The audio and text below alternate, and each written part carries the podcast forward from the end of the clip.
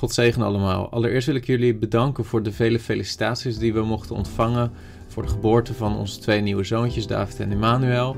Super bedankt daarvoor. Zoals je begrijpt ben ik momenteel veel bezig met het thema van het gezinsleven.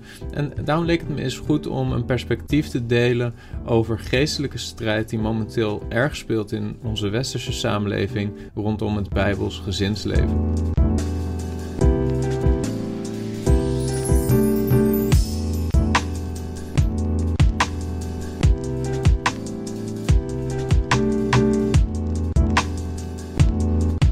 We lezen in Efeze hoofdstuk 6 een bekend schriftgedeelte, Efeze 6 vanaf vers 10. Daar gaat het over geestelijke strijd. En daar zegt Paulus verder, mijn broeders, wordt gesterkt in de Here en in de sterkte van zijn macht. Bekleed u met de hele wapenrusting van God, opdat u stand kunt houden tegen de listige verleidingen van de duivel. Vers 12, want wij hebben de strijd niet tegen vlees en bloed, maar tegen de overheden, tegen de machten, tegen de wereldbeheersers van de duisternis van dit tijdperk, tegen de geestelijke machten van het kwaad in de hemelse gewesten.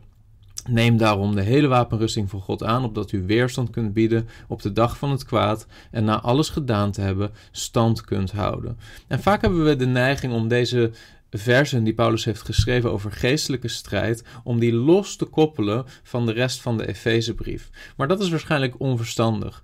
De geestelijke strijd waar Paulus over spreekt, staat niet los van datgene wat hij daarvoor heeft geschreven. Eh, het gaat niet plots over demonische aanvallen die helemaal losstaan van de geboden die Paulus heeft geschreven in Efeze hoofdstuk 4 tot 6 ten aanzien van een waardige wandel in Christus Jezus. Eh, Paulus beschrijft in de Efezebrief allereerst in de eerste drie hoofdstukken het evangelie en vervolgens in de laatste drie hoofdstukken de wijze waarop wij waardig zouden moeten wandelen in navolging van de Heer Jezus Christus. En met name dat laatste is iets waarin we veel strijd zullen ondervinden als christenen. Paulus die beschrijft in de Efezebrief vanaf hoofdstuk 4 dat we een waardige wandel zouden moeten hebben ten aanzien van ons persoonlijk leven, maar ook ten aanzien van ons gemeenteleven, de manier waarop we in de gemeente dienen, maar ook ten aanzien van ons gezinsleven, ons huwelijk, de manier waarop ik als man omga met mijn vrouw, de manier waarop je als vrouw omgaat met je echtgenoot, de wijze waarop je als ouders je kinderen opvoedt en de manier waarop je als kinderen je verhoudt tot je ouders, de manier waarop je je werk doet. Dat zijn allemaal dingen waar Paulus over schrijft en die te maken hebben met het leven van een waardige wandel voor Gods aangezicht. Paulus waarschuwt ons helemaal aan het einde van de brief dat de overheden, de machten, de geestelijke wereldbeheersers van deze tijd ons zullen aanvallen met leugens en met een ander soort perspectief, een ander soort overtuiging ten aanzien van dat soort elementen van het leven.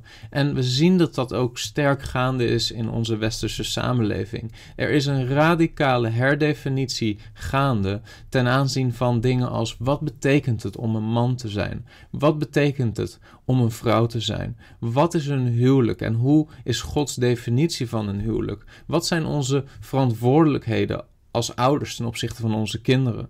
Hoe moeten kinderen zich verhouden tot hun ouders? We zien bijna dagelijks op de nieuwsmedia, zoals de NOS, hoe de populaire media dit soort zaken herdefiniëren of het perspectief van de samenleving op dat soort dingen die de Bijbel gedefinieerd heeft, die God gedefinieerd heeft, die God bedacht heeft, uh, hoe, hoe dat perspectief in de samenleving langzaam maar zeker veranderd wordt. Niet langer wat God zegt dat ik ben, of wie God zegt dat ik ben, vormt mijn identiteit, maar hoe ik mezelf voel over mezelf. Niet langer wat God zegt over wat een huwelijk is, maar hoe wij vinden dat een huwelijk zou moeten zijn, vormt de basis voor nieuwe wetgeving, de publieke opinie, etc. etc. Er speelt momenteel een belangrijke geestelijke strijd af op dit vlak.